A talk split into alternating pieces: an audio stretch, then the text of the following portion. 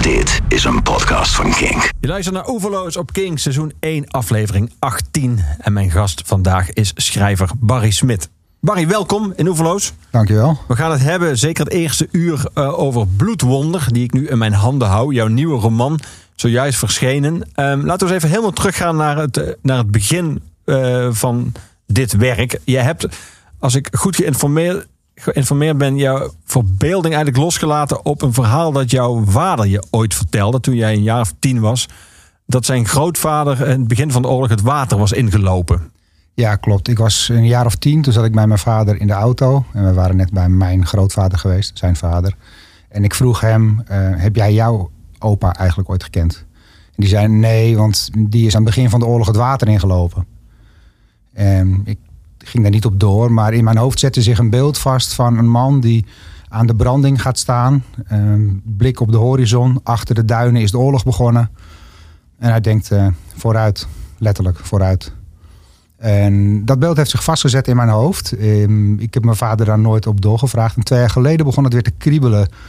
Um, ik dacht, ik moet toch eens uitzoeken hoe dat precies zit. Ik kan mijn vader helaas niet meer vragen.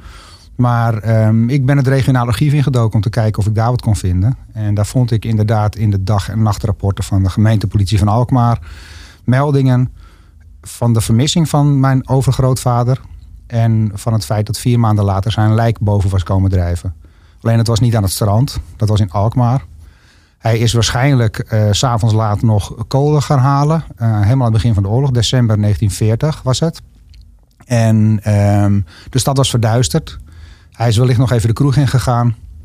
En waarschijnlijk de gracht ingekukeld. En uh, vier maanden later kwam hij in het Noord-Hollands kanaal... net buiten het centrum van de stad bovendrijven.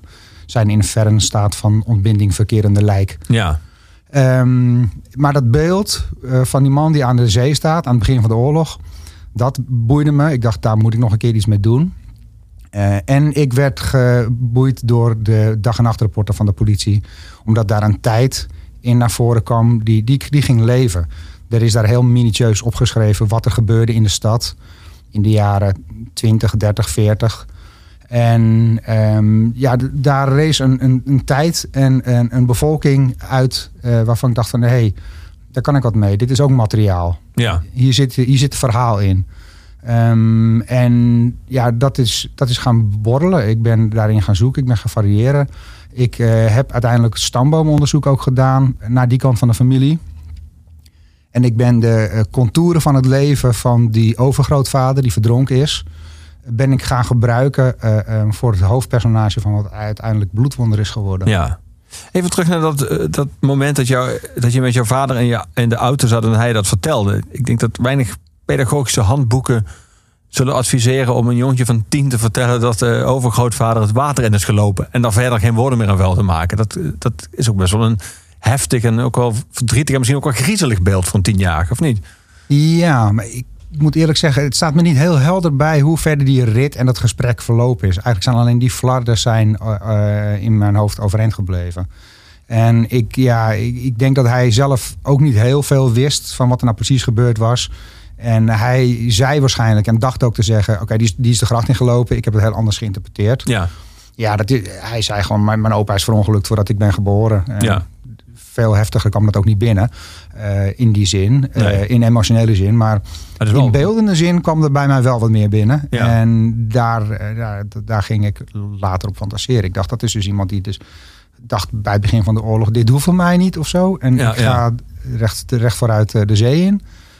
Um, maar dat is uiteindelijk alleen blijven sluimeren in mijn achterhoofd. En pas twee jaar geleden ongeveer is dat beeld weer uh, boven komen drijven. En ja. ben ik daarmee aan de gang gegaan. Ja, we gaan het uitgebreid hebben over Bloedwonder en ook over ander literair werk van jou. Uh, maar we gaan ook muziek draaien. Heel veel muziek uh, uit jouw platenkast of cd-kast. In ieder geval muziek van jouw keuze. Um, sommige van die nummers, bijvoorbeeld de nummer waar we nu mee gaan beginnen, zijn rechtstreeks verbonden aan, jou, aan jouw werk. om het nu, jouw roman, die hangt samen met dit nummer schreef je. Ja, klopt. Ik denk bij uh, elk boek dat ik geschreven heb, het is nu mijn vierde boek dat uitkomt. Um, die, die, al die boeken hebben voor mij een soundtrack. En soms is dat een, een verzameling muziek um, die ik op heb gezet, die ik veel heb gedraaid in de tijd dat ik het schreef. Soms is het muziek die thematisch zich tot dat boek verhoudt. En Om het Nu is mijn eerste boek uit 2013 is eigenlijk een boek waarin heel veel van mijn uh, late jeugd samenkomt. Uh, de tijd dat ik naar houseparties ging, de tijd dat ik uh, met drugs experimenteerde, veel uitging en nou ja, gewoon zoekende was, zoals welke 17-jarige niet zou je bijna zeggen. Ehm, tot nou ja, begin 20 ongeveer. Ja, en daar ehm, bij dat boek is dit nummer gewoon de soundtrack.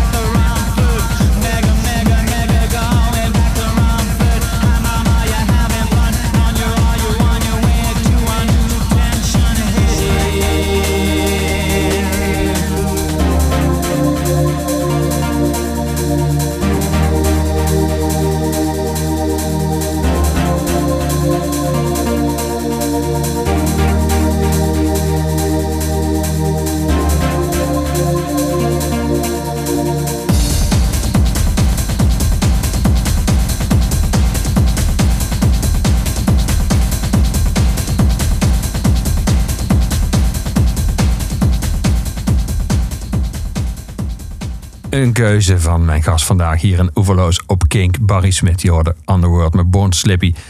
Is die voor jou nog verbonden aan de film, een Trainspotting? Of is- is die associatie helemaal weg inmiddels met dit nummer? Nee, die associatie die is wel blijvend. En dat is toch gewoon een iconische combinatie geworden eigenlijk. Eh, en zeker ook in de tijd van om het nu eh, was ik ook wel geïnspireerd door eh Irvine Welsh. Niet om zijn manier van schrijven, want hij schrijft fonetisch bijvoorbeeld.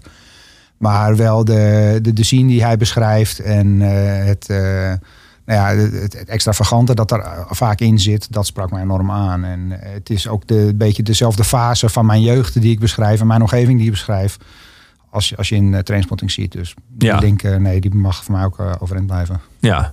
Je vertelde juist hoe dat ging. Je- Je had dat beeld in je hoofd van die eh, man en die overgrootvader die het water inloopt. Wat een ander beeld was dan wat het eigenlijk bleek te zijn. Eh, je ging spitten, je ging zoeken in krantenarchieven en stamboeken, militaire stamboeken, doopregisters, et cetera. Ehm, en toen kwam hij langzaam tot leven? Of was dat pas op het moment dat je een foto van hem eh, zag en kreeg?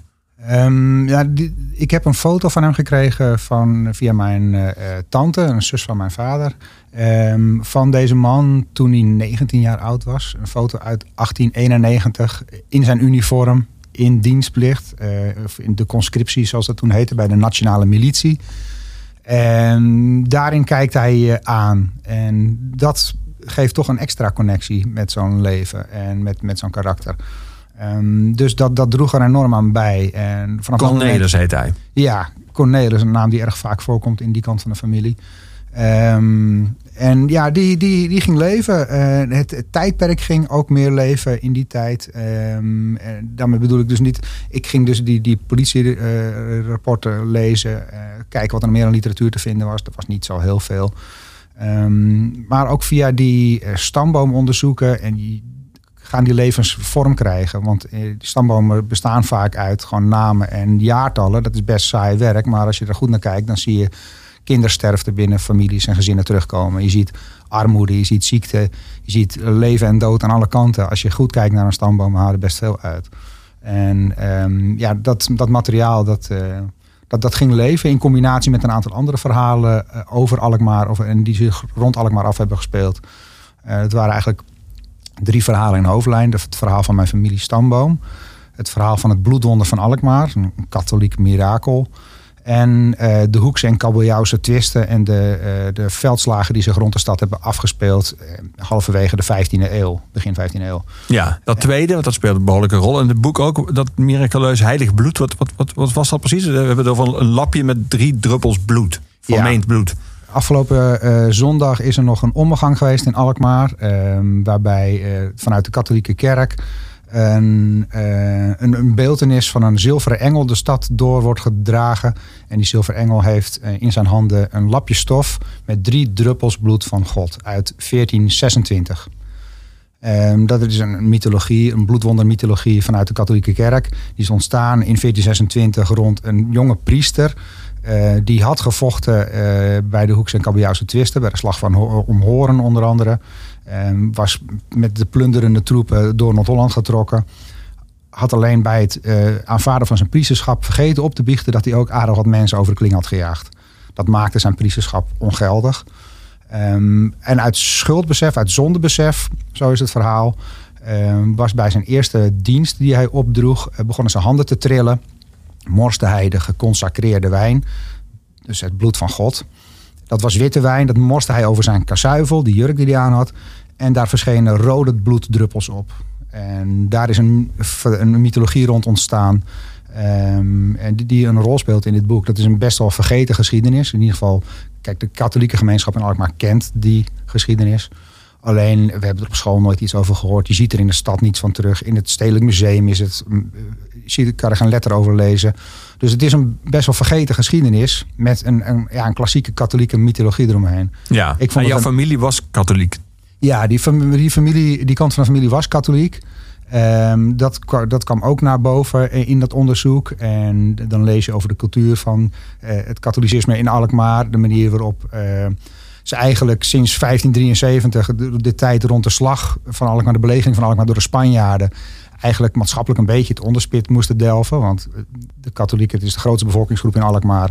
Maar het bestuur was protestants. En de hele identiteit van Alkmaar draait rond dat, eh, eh, dat, dat weerstaan van die Spaanse belegering. En de trouw aan Oranje en dergelijke. En die donkere kanten van die geschiedenis die worden verzwegen. En de katholieken hebben zich ook bijna nooit verwant gevoeld met de manier waarop dat gevierd werd in Alkmaar. En de manier, waarop dat verhaal werd verteld. Dus um, ja, dat, dat katholieke aspect van die familie, dat uh, werd relevant in dat verhaal. En dat kon ik dus mooi koppelen aan dat bloedwonderverhaal. Ja. En dat bloedwonderverhaal kon ik dan weer mooi koppelen aan de oorsprong van dat verhaal. De veldslagen rond de Hoeks en Kabeljauwse twisten rond Alkmaar. En Ja. plunderingen en moord en doodslag rond die tijd. En Cornelis werd engel. Ja, Cornelis werd engel. Ik heb ehm, zijn leven als de contouren van zijn leven gebruikt. Ehm, ik heb me wel eh, vrijheden gepermitteerd als het gaat om de, de namen van zijn gezinsleden, zijn eigen voornaam. Eh, engel is een naam die ook aan die kant van de familie vrij vaak voorkomt. Die vond ik iets sprekender en, Ja. Eh, dan Cor. Ehm, dus Vooral als je het afkort, ja, dan blijft er weinig over. ja, daarom. En ik vond Engel toch een, eh, eh, ook vanwege de rol die hij heeft in dit verhaal. Ja. En de manier waarop hij zich verhoudt tot eh, hoe hij God ziet. Ehm, ja, dat, dat was eh, bruikbaar. Ja. We gaan muziek draaien. Muziek die eh, verbonden is aan, eh, aan jouw tweede roman, eh, Desmona. Eh, draaide je dat toen tijdens het schrijven? Of was dat bij eh? Of was dat, eh, of was dat op, de, op een andere manier gekoppeld aan het boek? Nou, ja, het nummer heet Suspicion. Ja. En het gaat over wantrouwen. En wantrouwen is wel een, een ondertoon eh, in Tahrir. En ehm Tahrir speelt zich af in Cairo eh, rond de omwenteling in 2011. Ja. Eh, de Arabische lente. Het gaat over een Nederlander die daar naartoe gaat om campagnetrainingen te geven, onder andere. Ehm, eh, hier zijn activiteiten heeft, daar zijn activiteiten heeft, hier een liefde heeft, daar verliefd wordt. Ehm, die suspicion en dat, dat ondertoon en het wantrouwen eh, dat in die stad ook heerste, dat zit ook deels in dit nummer. En daarom associeer ik dit nummer altijd met dat boek. Ja, we gaan er naar luisteren. Suspicion.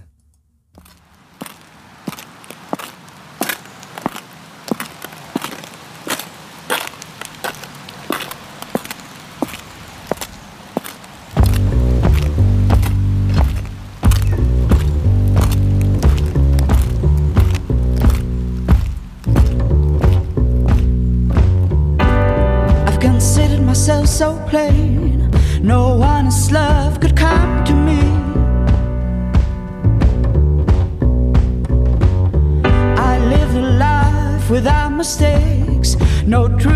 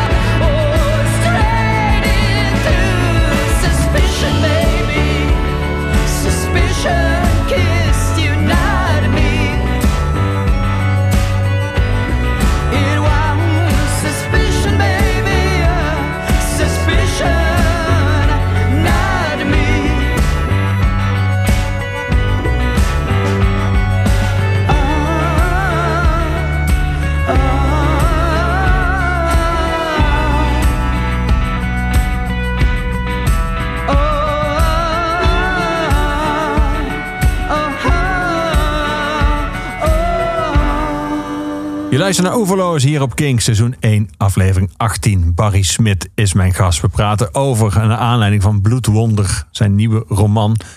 Eh, Barry, nou, we hadden het al over, die roman, jouw nieuwe roman speelt zich af eind 19e eeuw. Eh, de engel is een modenaarszoon, hij wordt afhankelijk brugwachter. Ehm, die tijd die jij omschrijft, die je voor een deel hebt kunnen ontlenen, en alles wat je in de archieven vonden en die krantenknipsels vonden en zo, die is nogal benauwend en donker als je hem zo, eh, als je hem zo leest. Eh, en vooral heel godvrezend. Eh, overal hangt een soort van het, het, laatste oordeel bijna boven. Ehm, schoonvaders die als iemand zijn kind verliest zeggen dat slechte dagen een goede reden hebben. En de mens wikt en God beschikt, wat zo over iedereen heen hangt. Ehm, toen jij ging inlezen in die tijd en ook bijvoorbeeld situaties tegenkwam die je in het boek prachtig beschrijft waarin eh, vrouwen kiezen voor een man omdat ze denken dat hij eh, haar gezonde kinderen zal kunnen geven, hard werkend is en haar in strenge winters warm kan houden. Ehm, werd, jij er zelf soort van, werd het jou benauwd toen je die, die tijd, uh, toen je zeg maar in die tijd ging inleven? Of wat voor gevoel kreeg jij daarbij?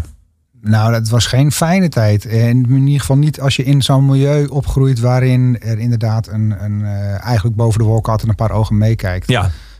Um, zijn uh, godsbeeld, dat van Engel Smit, is eentje van een uh, god, zeker in zijn jeugd, die hij als, als waker over hem ziet, als, als trooster en als ja, een god die echt aanbeden mag worden, die groots is. En uh, dat dat verandert uh, naarmate hij de, de klappen van het leven krijgt. Ja. Hij krijgt een aantal klappen uh, die nou, in elk mensenleven te verduren kunt krijgen. Ziekte, dood en dergelijke. En zijn relatie met die hoogste macht die verandert. Hij gaat er anders tegen aankijken en zich anders opstellen. Um, ja, dat, hij dat lijkt mij een cruciale vraag. Hij, hij heeft dan geleerd dat medelijden hebben met andere mensen, dat dat iets is wat, wat God waardeert als je dat hebt. Maar hij vraagt zich even af of God zelf dan geen medelijden heeft. Ja, precies. Als die empathie eh, een van de uh, grootste deugden is voor de mens. En de mens is in Gods evenbeeld geschapen. Uh, waar blijft nou Gods empathie? Als je een ziek kind of een dood kind in je handen hebt. Uh, het zijn vragen die uh, volgens mij tijdloos zijn, uh, maar die in die tijd wat vaker voorkwamen, omdat kindersterfte bijvoorbeeld vaker voorkwam en het leven was harder. Ja. En dat betekent dat die vragen zich ook nadrukkelijker opdrongen. En, ja. en God, was al, God werd denk ik als almachtiger ervaren dan mensen die gelovig waren. En nu zelfs, zelfs Andries Knevel heeft nog wel eens een moment dat hij twijfelt aan de almacht van God. en dat was toen natuurlijk niet Nee, kijk, uh, um, religie was minder een vrijblijvende zaak voor veel mensen. Um, dus uh, als het zo alles overheersend is uh, en je raakt in een geloofscrisis, dan is dat ook meteen echt een bestaanscrisis. Um, dat sprak mij aan in, in dat verhaal en die aspecten van de, die levens. Ik heb zelf, uh, mijn familie is lange tijd dus katholiek geweest aan die kant. Uh, er is een, een, harde breuk ingekomen uh, dankzij het leven van mijn grootvader, mijn vaders vader. Mm -hmm. um, die door zijn ouders naar de, het klooster werd gestuurd. En daar hoogstwaarschijnlijk zeer slechte ervaring heeft opgedaan. En sindsdien nooit meer iets met de kerk of God of wat dan ook te maken wilde hebben. Dus toen is God uit de familie verdwenen eigenlijk. Maar die periode daarvoor, waarin er, je inderdaad leeft in een universum dat beheerst wordt. Um, ja, dat, dat vond ik boeiend. En vooral ook omdat een van de rode draden in mijn boeken is de vraag: in hoeverre heb je zelf de regie in handen? En in hoeverre kun je zelf verantwoordelijkheid nemen voor je leven? En op het moment dat iemand dus een geloofscrisis doormaakt, uh, gaan die vragen zich ook opdringen. Als je eerst denkt: oké, God wikt en de mens wikt en God beschikt. Ja je gaat twijfelen aan uh, de aard van God, dan ga je ook twijfelen aan die vraag van oké, uh, moet ik mezelf inderdaad maar op de golven mee laten drijven of heb ik keuzes te maken en kan ik ook radicale keuzes maken? En als ik God het een en ander verwijt, kan ik tegen hem op gaan staan. Ja. We gaan zo verder praten erover. We gaan muziek draaien nu. Lift to Experience. Kun je ons al iets over vertellen voor de mensen die, zoals ik, die ze nog niet kenden? Oké, dit is de band van uh, Josh T. Pearson. Die is wel iets bekender. Um, en dit is een, uh, uh, een conceptalbum eigenlijk. De Texas Jerusalem Crossroads. Met heel veel bijbelse referenties eraan. Heel veel geloofsverwijzingen. Het is deels serieus, deels ironisch. Het lijkt op het eerste oog Knap. eigenlijk rally rock. Ja, knappe Ehm, balans bij dit thema. Ja, dat klopt. En al- alleen hij, hij gebruikt echt de, de, de literaire waarde van de Bijbel eh, en van de, de methodologie van verhalen vertellen. Gebruikt hij in zijn teksten, in zijn muziek, in zijn opbouw. Ehm, maar er is een dikke vraag bij van, meent hij dit nou allemaal ja of niet? Ja of nee? Weet je wat je bij Gerard Reven bijvoorbeeld ook had? Ja, Ehm, en die balans die is, is geweldig. Ik vind dit echt een enorm onderschat jaren 90 album. Eh, Het heeft dan voor mij een sterk jaren 90 gevoel. Het is een beetje post-grunge wordt het wel genoemd. Ehm, en het is een van mijn lievelingsalbums geworden. En eh, een van de lievelingsalbums in de tijd vooral ook dat ik Ondijk Punt schreef. Vooral Ondijk, dat is een dubbelroman die in één uitgave is uitgebracht. Ondijk eh, speelt zich af in de polder net buiten Alkmaar. Ehm, in een klein dorpje waar eigenlijk een eigen vorm van religiositeit is ontstaan. Een eigen interpretatie van het christendom, die ook redelijk oud-testamentair is. Ehm, en ja, dat, dat, er is een verwantschap. Bij dat boek is dit eh, deels de soundtrack. bestaan zij nog eigenlijk? Live to Experience. Eh, ze hebben ehm, vorig jaar dit album remastered uitgebracht. Dat vond ik geen vooruitgang eerlijk gezegd. Daar hebben ze al een toertje bij gedaan. Waarbij ze het album helemaal speelden. Waarbij het Ja. album helemaal speelt. Het is een conceptalbum. Dit kan ook niet anders dan in die volgorde gespeeld worden. Als je de titels van de nummers opleest, dan is dat ook een, ik denk een psalm, in ieder geval een, een, een coherente regel. Ja, En eh, daarmee zijn ze weer gaan toeren. Dus eh, eh, ze bestaan enigszins. ja. Eh, ik zal in allerlei religieuze referenties denken bij die laatste zin. Maar da- daar komen we later anders wel op terug. Falling from Cloud 9 is in ieder geval het nummer. Hier is Live to Experience.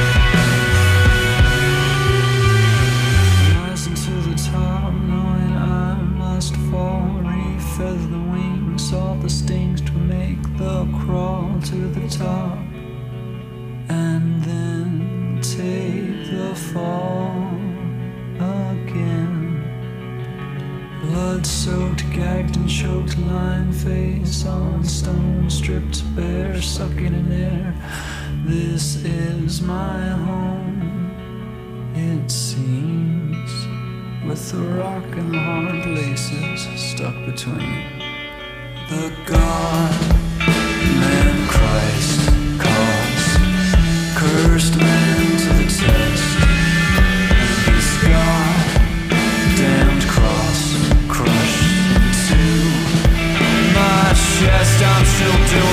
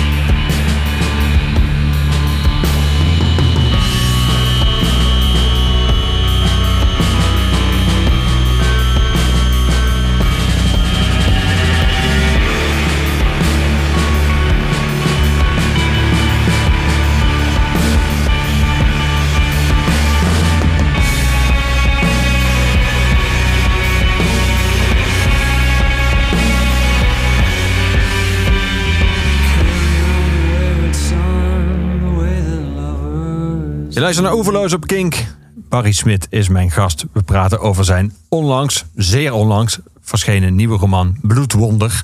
Ehm Barry op een krijgt, ik zal niet te veel eh, verklappen, maar er overlijdt een kind in het boek in het begin. Eh, en dat kind is nog niet gedoopt en dan wordt het begraven tussen de ongedoopten. En dat is een soort verzamelplek van landlopers en van allerlei mensen die op deze manier eh, God niet waardig zijn. Zo staan er best wel veel, tot af en toe maar een één zinnetje of een soort van schets. eh, beelden die een heel hardvochtig, eh hardvochtige indruk maken van die tijd. Eh, toen jij in die archieven ging zoeken en uh, krantenknipsels tegenkwam, in een soort van in probeerde die tijd eigen te maken. Wat, wat voor een beeld had jij van hoe mensen toen met elkaar omgingen? Moest, moest er gewoon keihard gewerkt worden en dat was het ook eigenlijk een beetje. En dan s'avonds ging je bidden en daarna ging je naar bed? Of, Dat was natuurlijk voor veel mensen de, de kern van het bestaan. En daar, daar zat misschien wat verenigingsleven bij en zo. Maar ja. En deze eh, familie was gewoon devoot katholiek en leefde ook een beetje onder de knoet van het instituut, de katholieke kerk. En dat was best een harteloze bende af en toe. En je, je had inderdaad op begraafplaatsen de, het verdomhoekje. Ja, En een stuk ongewijde grond. Waar mensen kwamen te liggen waarvan niet zeker was, of waarvan ze zeker wisten dat die niet gedoopt waren. Eh, zwervers, eh, die van eh, landlopers die overleden, waarvan ze niet wisten, is die gedoopt ja of nee. Joden. Eh, maar dus ook kinderen die eh, ja, overleden voordat ze gedoopt konden worden. En dan kreeg de moeder te horen, ja sorry, maar uw kind gaat niet naar de hemel. En uw kind mag niet eh, begraven worden volgens de rituelen van de kerk. En zal geen eh, eh, begeleiding krijgen. Geen rituele begeleiding. Die kinderen werden weggenomen en in stilte, eh, zonder bijzijn vaak van de ouders, begraven in dat Ja. hoekje. En daar hadden ze het mee te doen. Moest jij veel, je hebt duidelijk uitgelegd in het begin dat eh, de hoofdpersoon Engelsmit, dat hij wel zwaar voor een deel gebaseerd is op Cornelis, maar dat je verbeelding een hoofdrol heeft gespeeld. Ehm, moest jij voor eh, zeg het schetsen van die tijd, moet je daar ook heel veel verbeelding voor gebruiken? Of kon je heel veel halen uit, die, eh, uit alles wat je tegenkomt tijdens de research? Ja, ik, je kunt best veel halen uit, eh, uit de verhalen uit die tijd, uit literatuur over die tijd, eh non-fictie, geschiedenis, geschiedschrijving. Maar je moet toch vooral inderdaad ook gewoon je verbeelding de, aan, aan het werk zetten. En ja, je hebt die tijd en onze geschiedenis in die tijd als referentie. Maar in grote delen van de wereld leven ze nog steeds in een dergelijke realiteit. eh, waarin een instituutskerk inderdaad al overheersend is. eh, of een godsbeeld een, een schaduw over iemands bestaan kan leggen. Ehm, ja, en daar moet je dan vooral inderdaad gewoon je verbeelding op loslaten. Ja. Het jou, er zijn natuurlijk best wel veel mensen die tegenwoordig eh, op de een of andere manier hun familiespoor proberen na te gaan met DNA. Die proberen te, te achterhalen waar ze nou precies letterlijk en figuurlijk vandaan komen. Heeft jou meer lezen over jouw eigen familiegeschiedenis, heeft je dat inzichten gegeven over, nou, misschien niet eens over jezelf, maar over je eigen achtergrond, waar je los van dat een heel mooi boek heeft opgeleverd, nog veel aan denkt te hebben? Ja, nou, ten eerste eh, verdiept het het beeld dat ik al had. eh, dat we eigenlijk allemaal uit hetzelfde kluitje mensen voortkomen. Eh, en heel erg eh, veel verwantschap hebben. En dat eh, het idee van één volk en één natie en bloed en bodem en dergelijke. totale onzinnige mythologie is. Ehm, dus het, ehm, ja, ik- ben familielijnen tegengekomen vanuit Duitsland, vanuit Zweden, vanuit België, Frankrijk, Italië, tot aan uiteindelijk de Romeinse tijd aan toe. En dan zie je gewoon dat, eh, eh, dat, dat, dat we eigenlijk, eh, nou ja, dat een internationalistisch ingesteld wereldbeeld het meest realistisch wereldbeeld is, denk ik. We zijn gewoon allemaal één familie. Ehm, dus daar vind ik het een, verrijking in. Het heeft me ook gewoon veel verhalen opgeleverd. En is ook mijn volgende boek komt waarschijnlijk weer uit dat stamboomonderzoek voort. Want ik heb deze kant van de familie, is mijn, mijn vaders kant van de familie. Uit vooral Egmond aan Zee en Alkmaar. Mijn moeders kant van de familie, ehm, die begint nu wat meer voor mij te leven. Ehm, daar zit een verhaal eh, rond de, het gezin waarin mijn grootvader opgroeide aan moeders kant. Mijn grootvader had twee broers. En één daarvan die zat in het begin van de oorlog krijgsgevangen in Duitsland als Nederlands militair. En de ander liep aan de andere kant van het hek in een Duits uniform als bloedfanatieke Waffen-SS'er. En ehm, dat, ehm, ja, dat is een, een verhaal dat Ja. zich op dit moment aan het ontwikkelen is in mijn hoofd. En dat, Dat zou best eens mijn volgende boek kunnen worden. Ja, dat is wel een verhaal, ja. Ja. Ja. Dus daar, eh, ja, nee, het heeft mij veel gebracht. eh, veel inzichten over hoe mijn familie is ontstaan. En ehm, inderdaad die, die, die verwantschap die we allemaal hebben. Want eh, ja, kijk, bij elke generatie die je teruggaat, verdubbelt je aantal voorouders. En binnen no time zit je op een aantal voorouders. Waarmee het eigenlijk onvermijdelijk is dat je bijna familie van iedereen in Nederland bent. Ja, ja. En eh, nee, dat, dat is leuk en grappig om te zien. Maar er, er dringen zich steeds verhalen op. Want eh, als je het ene lijntje volgt, dan kom je bij iemand uit die naar eh, Indië is gegaan met de VOC. En daar is ontslagen wegens overlijden. Dat soort zinnetjes ook die in stamboeken en dergelijke voorkomen. Daar kan je wel mee. Ontslagen wegens overlijden. ja. Een plausibele verklaring voor, een, voor ontslag, vind ik. Ja.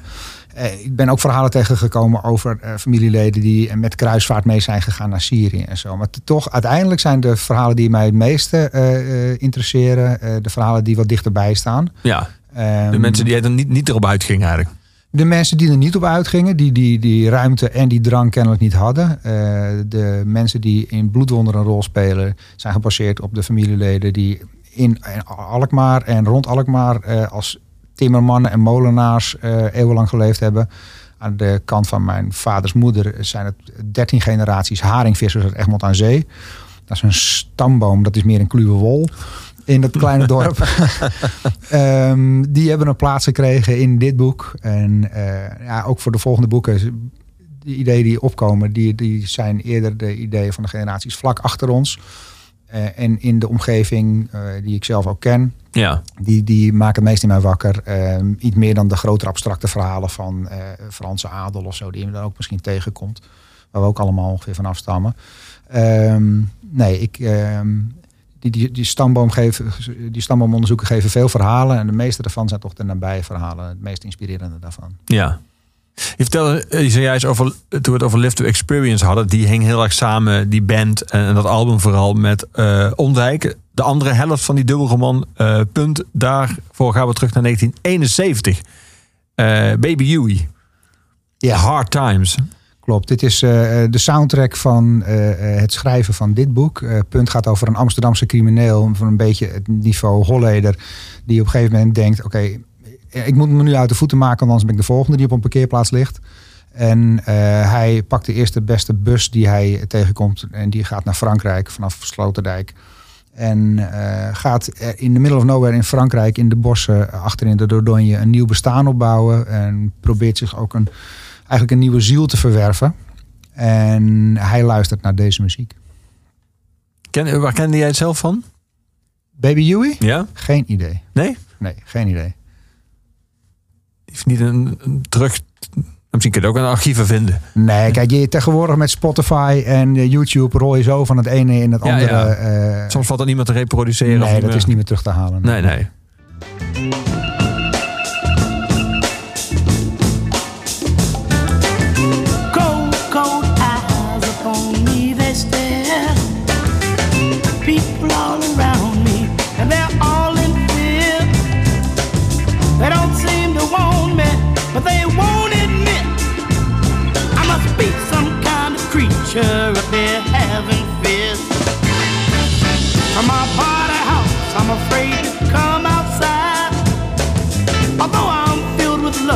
I'm afraid they'll hurt my pride. So I'll play the part I feel they want of me. And I pull the shade so I won't see them seeing me. Having hard time in this crazy town. Having hard time. There's no love to be found. Having hard times in this crazy town.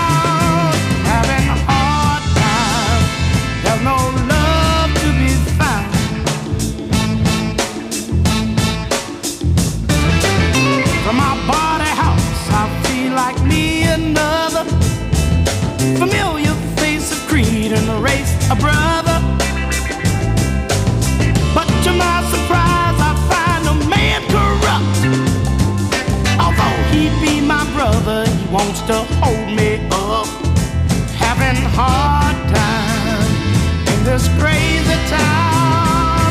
Having hard time. There's no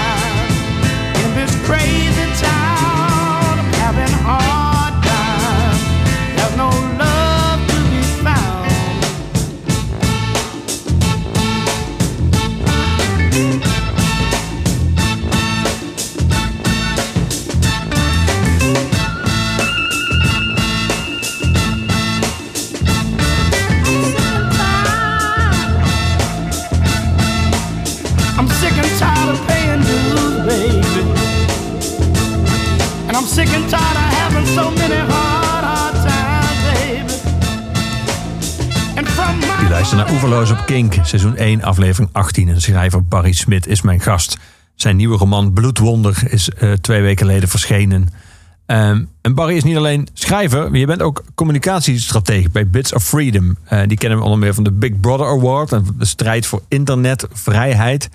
Eh, en discussies over digitale rechten bijvoorbeeld. Of die moeten worden toegevoegd aan mensenrechtenverdragen. Of die niet gedateerd zijn inmiddels.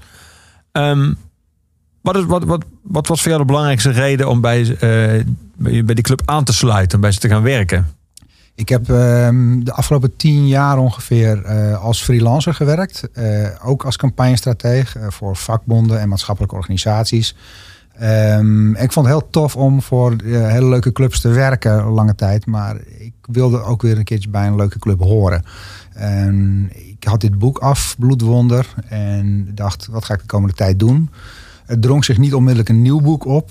Dus ik wilde daar niet per se tijd voor vrijmaken. En ik dacht, ik ga gewoon... Inmiddels borrelt het wel al, hoorden we net. Maar Ja, in, inmiddels borrelt het weer en ben ik aantekeningboekjes vol aan het schrijven en aan het oriënteren. Maar ehm, ik wilde gewoon weer even een tijdje full- fulltime aan het werk eh, bij een club die maatschappelijke relevantie heeft. Nou, en ik denk dat de onderwerpen waar wij ons mee bezighouden, eh privacy, internetvrijheid, ehm, eh, tot de meest relevante onderwerpen van dit moment behoren samen met het klimaat. Eh, we zien natuurlijk het surveillancekapitalisme, dat eh, echt een grote greep op de maatschappij heeft. Eh, we zien overheden die in toenemende mate proberen om het internet te gebruiken als controlemiddel. Ehm, ja, en ik vind het belangrijk om dat tegengas te geven. In mijn voorkeur gaat altijd uit naar werk dat enige maatschappelijke relevantie heeft. Eh, op het moment dat ik overwoog om inderdaad weer ergens aan de slag te gaan, eh, stuurde een kennis van mij toevallig die link naar die vacature en zei: Dit is echt iets voor jou. Ik ben Ja. erover gaan nadenken.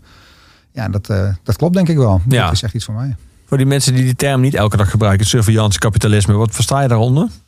Nou, eigenlijk is het een, een containerbegrip ehm, waarin alles te vatten is dat drijft rond de verdienmodellen van de grote platforms zoals Facebook en Google en YouTube.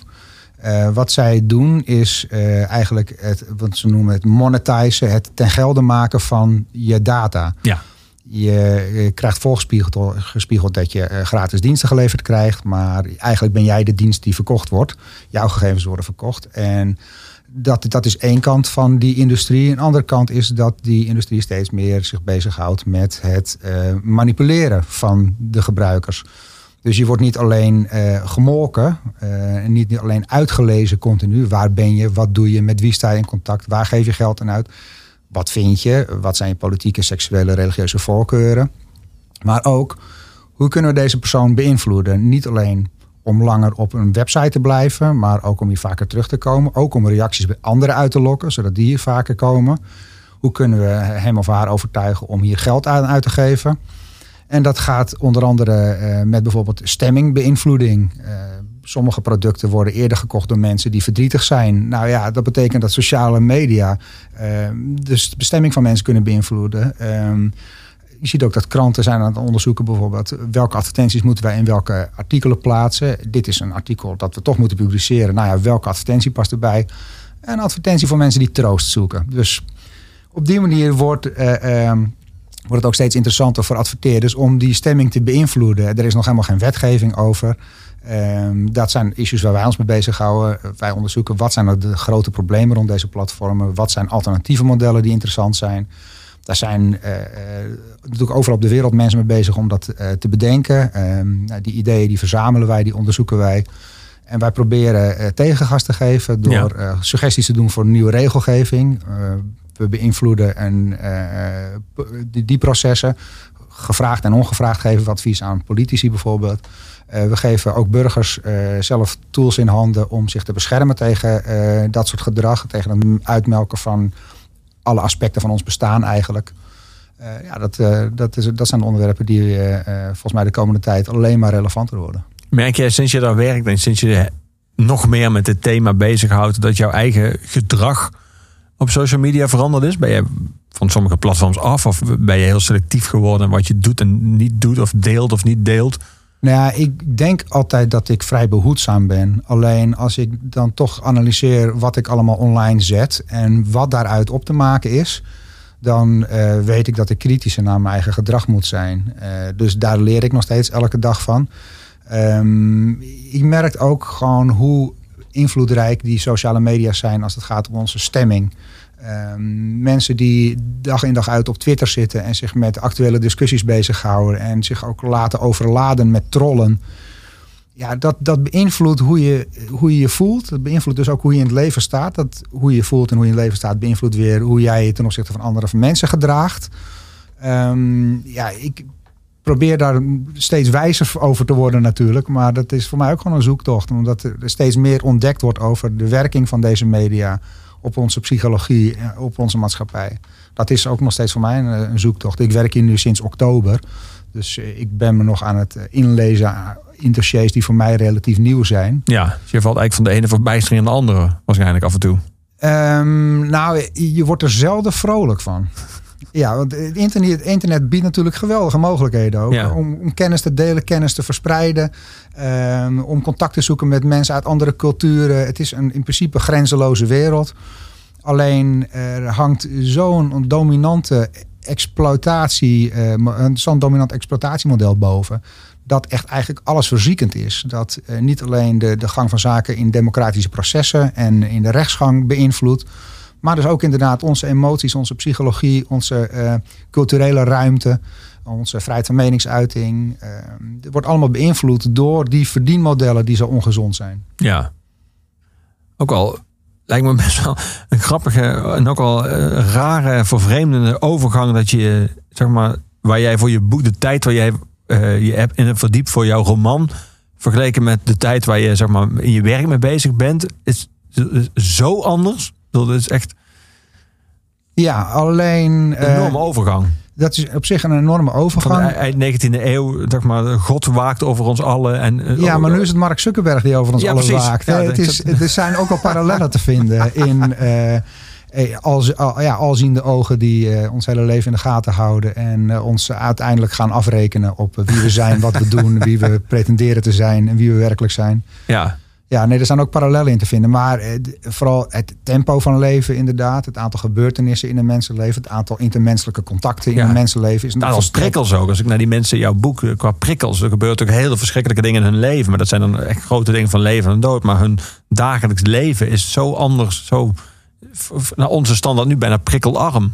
I- Nou, niet bijna prikkelarm. Naar onze standaard is het, is het ontzettend rustig leven natuurlijk. Eh betekent dat ook dat de dingen die wel gebeuren een groter gewicht hebben. Ja. Eh, maar wij leven in een bombardement op onze zintuigen. Zeker als je in een, eh, in een stedelijk deel van de wereld woont. En je bent flink aangesloten op alle media. Ja, dan krijg je zo ontzettend veel informatie en kennis eh, en ook impulsen te, te verwerken. Dat is onvergelijkbaar met die tijd. Want ja, het mensenleven dat ik schep, of dat, dat ik schets van Engel Smit, dat is iemand die groeit op in één wijk, in één school, heeft één baan, één familie, komt de stad amper uit. De stad wordt weinig bezocht door de wereld. Dus het aantal mensen dat hij ontmoet in, in de eerste 30 jaar van zijn leven is misschien vergelijkbaar met eh, het aantal mensen dat je nu ontmoet tot je veertiende of zo. Dat heeft een hele andere intensiteit. Maar dat betekent dus ook dat de mensen die je dan wel ontmoet een, een, een, een, een grotere indruk maken. En die ontmoetingen hebben een andere waarde. Elk gesprek dat je, voert, eh, dat je voert heeft een andere waarde dan eh, elk gesprek dat je nu voert. Ja, ja. We gaan er één keer terug naar de roman in de muziek. eh, naar Bloedwonder. Eh, want we hebben eigenlijk eh, de afgelopen uur hebben we bij elk nummer hing eh, samen met een van jouw vorige romans. Bloedwonder is best wel verbonden aan het werk van eh, broeder Dieleman.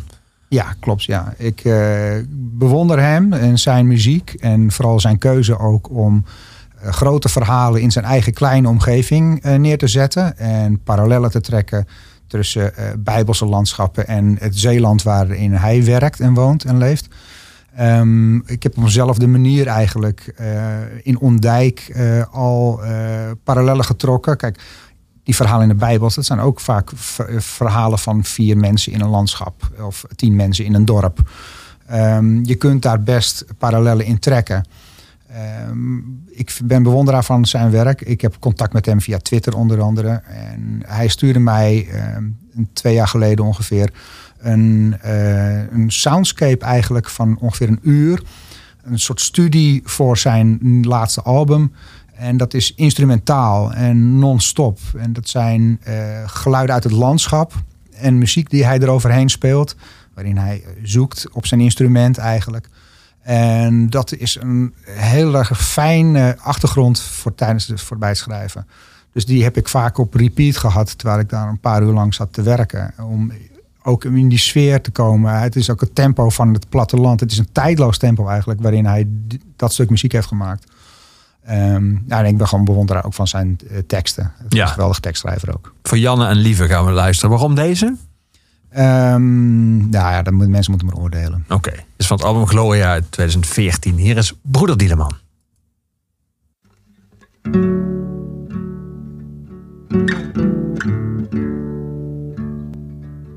Het is niet erg, hij verloren loopt met de juiste blik. Komt waar op op en iedereen doet wel eens wat verkeerd. Maar zorg dat het op niet verleert. En vaak de haters. Een adem rustig in en uit. En was ook zeggen, het maakt niet uit. Bijvoorbeeld dat niet zingen kan zing er alleen maar aarde van. En van de haters.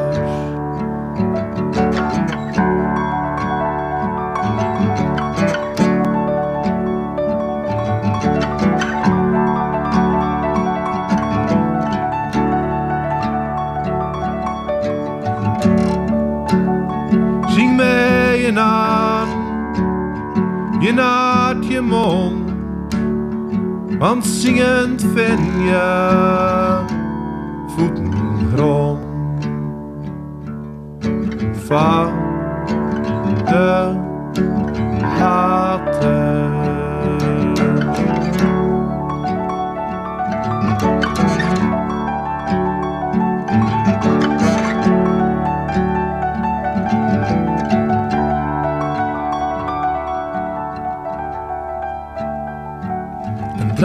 Eigen legt uit de dag. Tot hij s'avonds slapen mag en wordt dan wakker met de vraag wat vieren we vandaag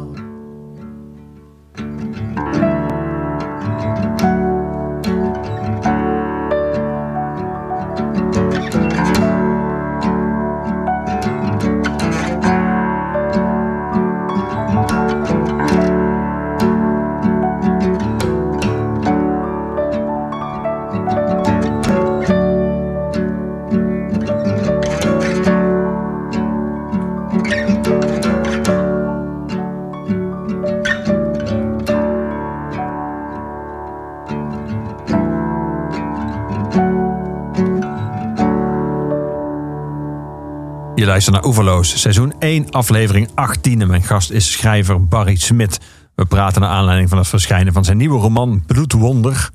Barry, eh, hadden we het juist over. Dat ben je op dit moment bij Bits for uh, Freedom. Eh, je hebt daarnaast bij een aantal maatschappelijke organisaties gewerkt de afgelopen jaren. Je hebt ook behoorlijk op het Binnenhof rondgelopen. Eh, je was actief eh, voor de SP. Je werkte voor de SP. Je was vertrouweling van Jan Marijnissen. Ehm, met al jouw campagne-ervaring en politieke ervaring. eh, kijk jij nog elke dag met een soort van verbijstering naar eh, de opkomst van in alle landen van de wereld lijkt het wel. eh, van het Witte Huis inmiddels tot het, bi- het Binnenhof, de Eerste Kamer. de populisten, de nieuwe populisten? Of heb jij inmiddels een soort van je daarbij neergelegd? Of heb je dat een soort van begrepen? Nou ja, ik, ehm, je bent af en toe verbijsterd door de, de, de, het gebrek van. Het gebrek aan vermogen om van de geschiedenis te leren. Dat blijkt me nog altijd teleurstellen. Dat, daar ben ik misschien wat naïef in. Ehm, Want jij zat in de, in- jij was actief op het Binnenhof in de tijd dat de LPF eh, aan de macht was en dat al die eh, onervaren mensen eh, zeg maar, in, in het kabinet zaten en in de Tweede Kamer zaten. Ja, klopt. Ik kwam eigenlijk precies op dat moment kwam ik binnen. Ik ben begonnen in augustus 2002. En ja, toen kwam net die, die hele kermis kwam binnen. En dat, dat was inderdaad wel een kermis. Omdat dat je eh, inderdaad gewoon dronken Kamerleden door de gangen zag lopen. eh, hoorde van vechtpartijen die rond de fractie hadden plaatsgevonden. En er kwamen mensen die, die werden benoemd en binnen een uur traden ze weer af. Hè. Mensen als Filomena Bijlhout Oh ja. en Winnie de Jong. En ja, de, wat Theo van Gogh allemaal de pygmeeën op plateauzolen noemde. De kleine mensen die zich een hele grote rol eh, aanmaten. Want die gingen het land wel eventjes veranderen. Ehm, ja, dat, is, dat kwam nog met enige naïviteit binnen. Eh, inmiddels is die hoek, de politieke hoek, zeg maar rechts van de VVD op het spectrum, is eh, verhard. Eh, je ziet eigenlijk dat rechts Nederland een radicalisering heeft doorgemaakt de afgelopen jaren. Ehm, dat geldt voor het kiezerspubliek, maar dat geldt ook voor de partijen. Want CDA en VVD zijn ook steeds meer gaan kopiëren uit wat er uit die hoek komt. Niet alleen aan ideeën, maar ook aan methodes. Je ziet eh, afgelopen verkiezingen eh, richting de Europese verkiezingen van 23 mei. Zag je dat Rutte ook met een negatief filmpje over Baudet kwam bijvoorbeeld. Nou ja, dat was voor de komst van LPF was het redelijk ondenkbaar dat dat soort methodes werden opgepikt. Ehm, en je ziet ook De SP, dat- jouw oude partij, kwam met een negatief filmpje heel persoonlijk gericht op Frans Timmermans. Ja, nou ja, dat wordt niet voor niks af en toe een linkspopulistische partij genoemd. Dus dat, dat is best logisch. Ehm, maar je ziet een, een radicalisering van rechts. en niet alleen in Nederland, je ziet het in heel Europa. Je ziet ook steeds schaamtelozer eh, de verbanden die weer worden gelegd, eh, gelegd met het verleden. Je ziet steeds schaamtelozer in landen als Hongarije en Ja, Polen. Ja. Dat, dat de geschiedenis toch weer herschreven moet worden. ten faveur van de plegers van de grootste misdaad uit de menselijkheid. Ehm, ja, nee, dat baart zorgen natuurlijk. Ehm, Maar heb ik- je inmiddels met al jouw ervaring toen, heb, ik kan me voorstellen, je, je, je, hebt een soort van campagnewetten en je hebt een soort van politieke, eh, zeg maar, hoe dingen nou eenmaal werken. eh, en, en dan vervolgens komt dit en komt de LPF en dat zou je dan kunnen zien als oké, dat was ook wel heel, oh, oh, hun leider was dood en die mensen waren met zonder enige ervaring kwamen die opeens aan de macht. Dus dat kun je nog een soort van terugbrengen. Nou ja, dat was ook wel een hele bizarre eh, mix van omstandigheden. Maar inmiddels is Trump zit gewoon in het Witte Huis. En Ja. eh, Brexit is gewoon een feit. Eh, en Ik geloof niet zo in die wetmatigheden. Dat zijn toch vaak vooral analyses van het verleden. En die worden dan op de toekomst geprojecteerd. En dan, ja, dan, dan werkt de toekomst niet mee. En dan gelden sommige wetten opeens niet meer. Nou ja, misschien was het gewoon geen wet. Eh, dus de methodes die Trump heeft gebruikt, die, die, die vloekten met alles wat als campagnewet, als heilig werd eh, eh, benoemd. ja, Ja, misschien hadden ze dat gewoon allemaal niet heilig moeten verklaren. En moet je niet alles uit het verleden doorrekenen naar de toekomst en daar je verwachtingen op projecteren. ja. Ehm, Dus je hebt je eigenlijk verzoend met de totale grilligheid en onvoorspelbaarheid van de politieke realiteit. Ja, Alles kan gebeuren op ieder moment. Nou ja, de werkelijkheid wordt steeds complexer. De werkelijkheid waarin we leven. En dat betekent ook dat dat in de politiek steeds complexer wordt. En ja, dat betekent dat het ook minder voorspelbaar wordt. Eh, de veranderingen van onze wereld die, die vinden steeds sneller plaats. Eh, dat zie je parallel aan de technologische ontwikkelingen die steeds sneller plaatsvinden. De beïnvloeding van die technologische ontwikkelingen, eh, de invloed daarvan op onze cultuur, die is ontegenzeggelijk groot. Dat betekent dat ook onze politiek erdoor wordt beïnvloed. Ja, ik, eh, ik heb één ding geleerd in eh, die eh, zeven jaar die ik rondliep op de Binnenhof. En dat is, doe geen voorspellingen en zeker niet over de toekomst. Wel interessant dat jij nu, omdat jij nu voor Bits of Freedom werkt, dat jij met alle technologische ontwikkelingen en eh, wat, wat het effect is van social media en internetvrijheid, heb je eigenlijk zo, jij komt in een soort voortraject terecht van wat daarna waarschijnlijk heel veel politieke consequenties heeft. Alles wat op Facebook gebeurt, alles, alle discussies op Twitter, alles wat eh, qua internetvrijheid gebeurt, heeft daarna een weerslag op stemgedrag en dus ook op overheden en op soort regeringen die we krijgen. Ja, en soms loop je eh, achter de feiten aan, omdat we, eh, de, de technologie is best vaak leidend in de ontwikkelingen. Maar ja, je kunt nu wel vooruitkijken en bedenken, deels, ehm, hoe een technologie ons meest waarschijnlijk gaat beïnvloeden. Ja, als je meer mensen toegang geeft tot technologie, zullen het waarschijnlijk meer gaan gebruiken. Zover durf, in, tot zover durf ik de boel nog wel te voorspellen. Maar ehm, nou ja, je ziet dat die impact gewoon ontzettend groot is van de technologie op ons leven. En die wordt alleen maar groter. Dat betekent dus ook dat eh, het, het werk wat wij doen steeds relevanter is. En dat het steeds meer gewicht heeft hoe je als politiek omgaat met die techniek. Hoeveel ruimte je het bedrijfsleven geeft om eh, het gedrag van mensen te exploiteren. Ja, Want ja, er, komen allemaal nieuwe discussies op rond bijvoorbeeld eh, hoe gaan bedrijven en overheden om met de data die wij achterlaten. Eh, Google Maps wordt door ontzettend veel mensen gebruikt. Uit dat gebruik kun je, kan je heel veel informatie destilleren. Van wie is die informatie? Van wie is die data die we achterblijven? Als dat eh, door het publiek gegenereerd wordt, gaat het ook terugkomen naar het publiek. Gaan we die kennis terugkrijgen of wordt die kennis exclusief van Google? En wordt eigenlijk de informatie die wij achterlaten weer aan ons terugverkocht? Eh, al dan niet via belastinggeld. Eh, kunnen gemeentes claims leggen op hoe er met data wordt omgegaan die binnen hun grenzen worden vergaard bijvoorbeeld. En je ziet dus ook dat als het gaat om bijvoorbeeld gezichtsherkenningen. San Francisco gaat nu waarschijnlijk gezichtsherkenningstechniek verbieden. Omdat ze zien dat de schade die het kan aanrichten veel groter is dan de voordelen die het heeft. Maar dat, dat zijn nieuwe ontwikkelingen en nieuwe, eh, eh, strijd, eh, dus een nieuwe strijd die gevoerd moet worden. ja. En dat is dat surveillance-kapitalisme, eh, dat, dat er enigszins ongrijpbare beest waar, we, waar we ons mee geconfronteerd zien. Ja. We gaan muziek draaien. We, we hebben nu een nummer dat jou zeer dierbaar is, maar niet direct een, een eh, link heeft met een van jouw romans. We gaan naar Deus luisteren. Eh, toevallig heb je een nummer uitgezocht, Instant Street, van het album The Ideal Crash, dat nu 20 jaar bestaat. Uit 1999 en waar de band heel veel mee gaat toeren. Gaan eh, volgens mij gaan ze integraal spelen. Ze, in de Archer Belgique spelen ze volgens mij meer dan een week. Ze spelen in Paradiso, Vredenburg in de muziekgieterij. Ehm, welke, welke, welke plek heeft dit nummer in de loop der jaren, 20 dus, in jouw leven gekregen? Nou, ik, dit is, ik ben er eigenlijk tot de conclusie gekomen is dat dit waarschijnlijk het album is dat ik het meest heb gedraaid in mijn leven. Ehm, ik heb een aantal eh, albums waar ik altijd naar teruggrijp. Eh, Midnight Marauders van Tribe Called Quest of zo. Of Bake Sale van Sabado. Of Goo van eh, Sonic Youth. Of Rain in Blood van Slayer. Dat zijn ook echt albums waar ik... Dat zijn jouw classics, zeg maar. dat zijn mijn classics. En eigenlijk is dit waarschijnlijk het album dat ik het meest heb gedraaid in mijn leven. En van dat album is dit nummer het meest gedraaide nummer.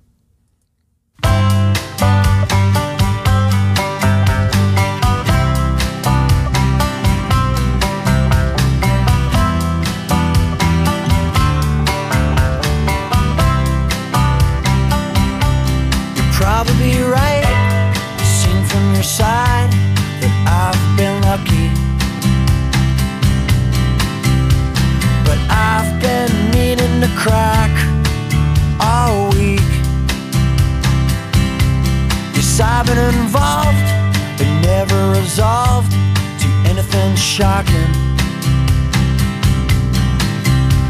And pain's playing yo-yo in my body as we speak.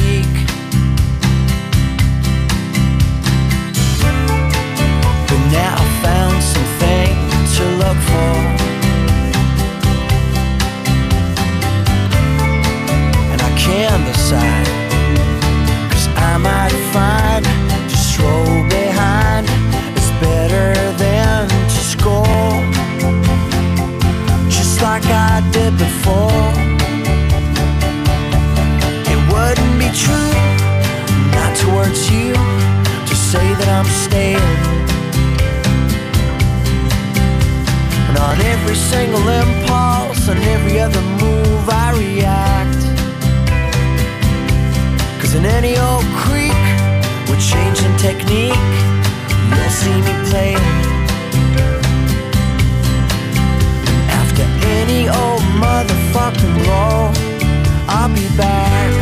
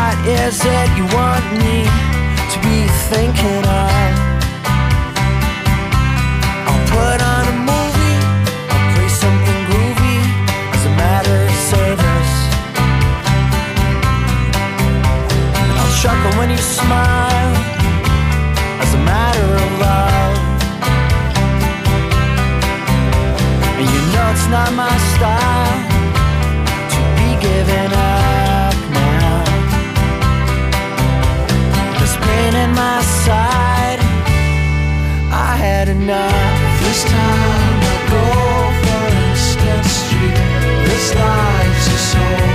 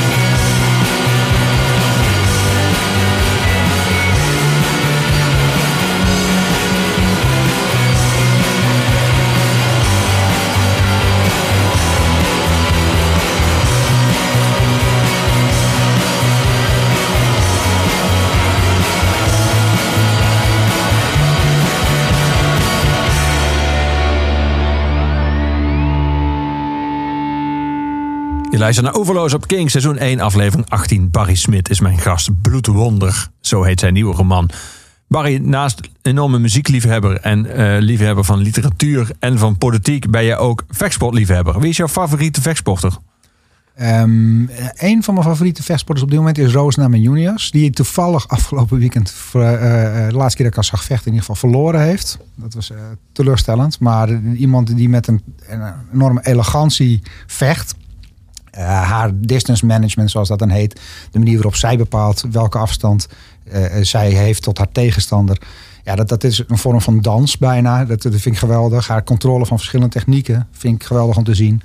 Ehm, dus dat is een van mijn favorieten op dit Zij is een MMA-vechter. Zij is een MMA-vechter. En eh, Voor de mensen die helemaal niets met, met vechtsport hebben, dat is dus mixed martial arts. Ja. Daarmee, dit is vergelijkbaar met kickboksen, maar ook met worstelen erbij. Je gaat ook verder op de grond. precies, je mag daar allerlei technieken uit verschillende sporten combineren. Dus je combineert eh, daar thai-boksen, judo, worstelen, eh, boksen.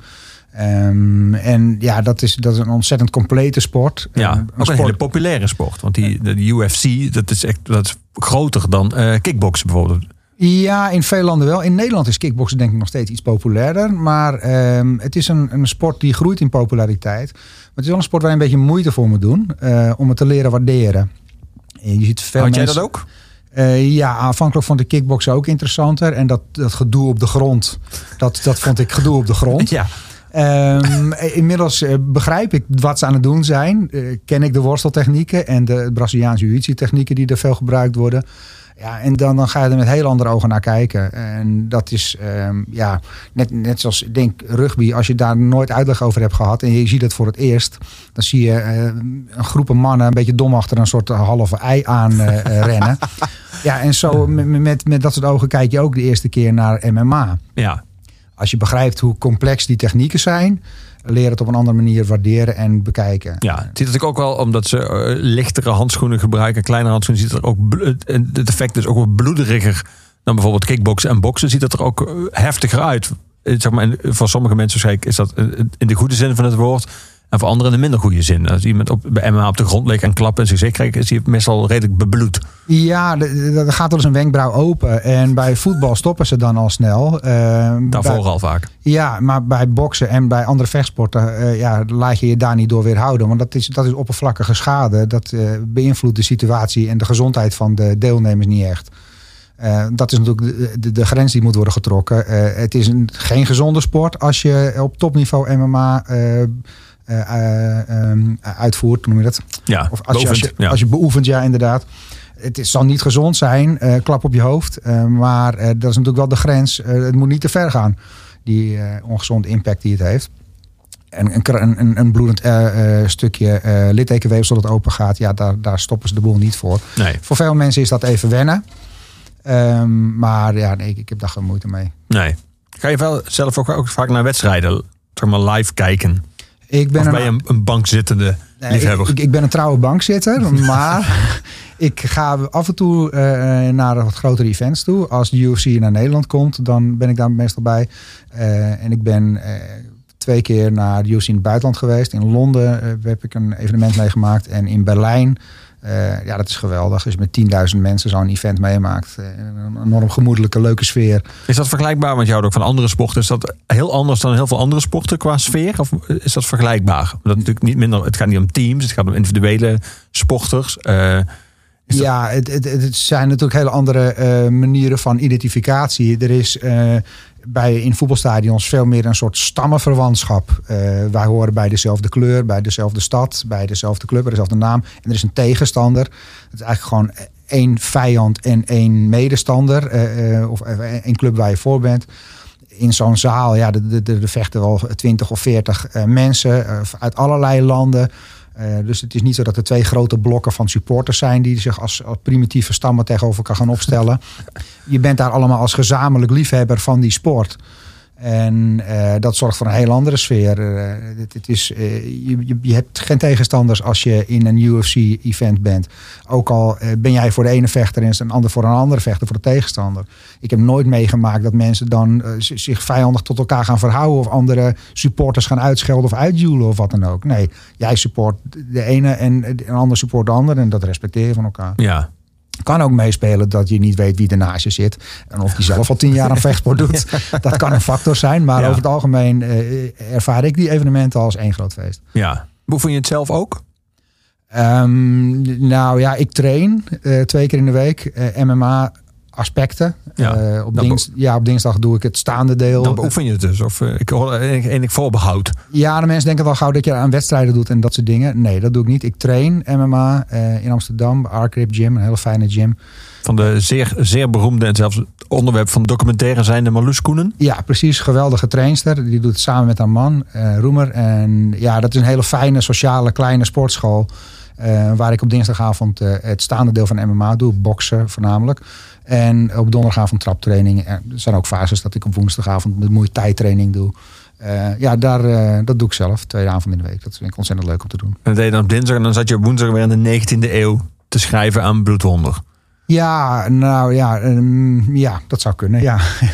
het, is, eh, ehm, eh, het is voor mij een moment om eh eventjes helemaal uit mijn week te zijn. Er is geen enkel verband tussen wat ik daar doe en mijn werk of mijn andere vrije tijdsbestedingen.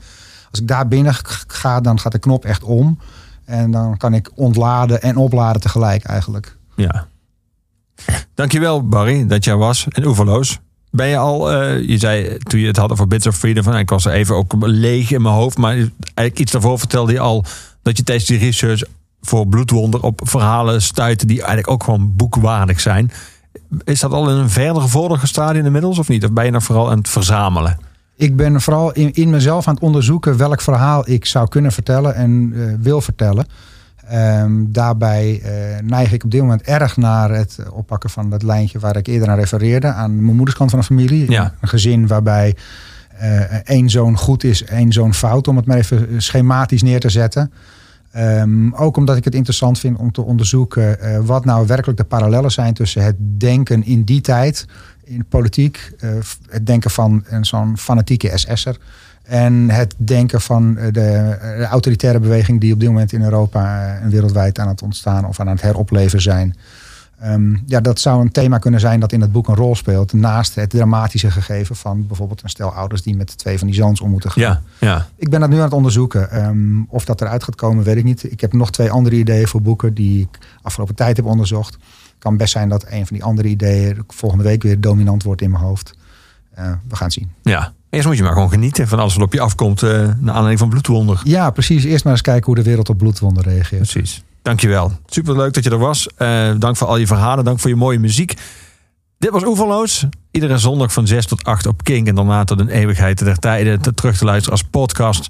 Het laatste woord van iedere Oeverloos is aan dezelfde man, Luc de Vos. Ik heb nu gekozen voor, omdat Barry zo'n enorme liefhebber is van Deus, voor het duet tussen Luc en Tom Barman. Het eerste nummer ooit wat Tom Barman zong in het Nederlands en het Vlaams. Het prachtige Ik ben aanwezig.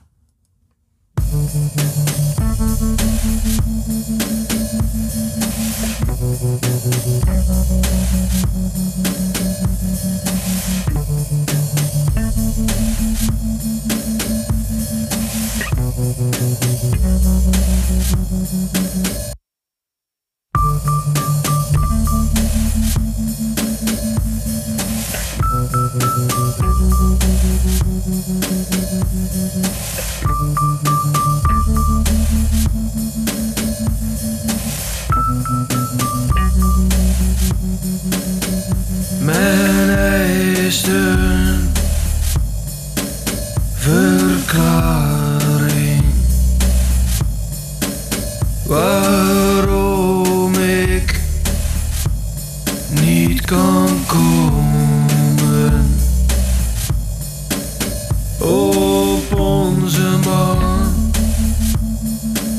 zijn afscheidsfeest onze man waar wij van hielden.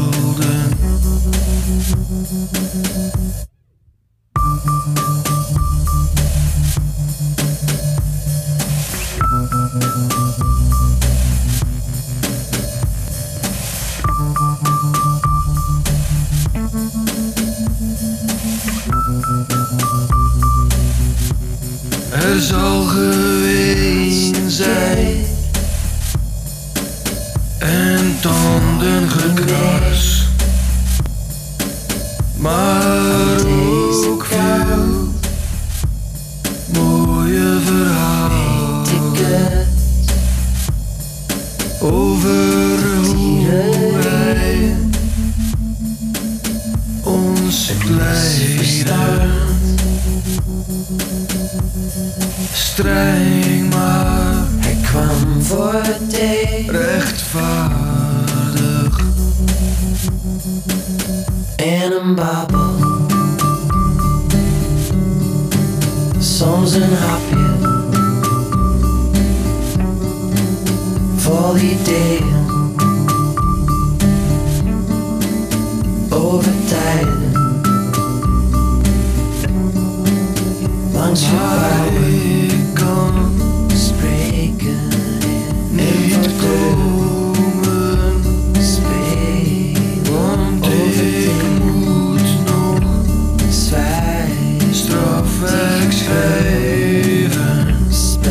pray.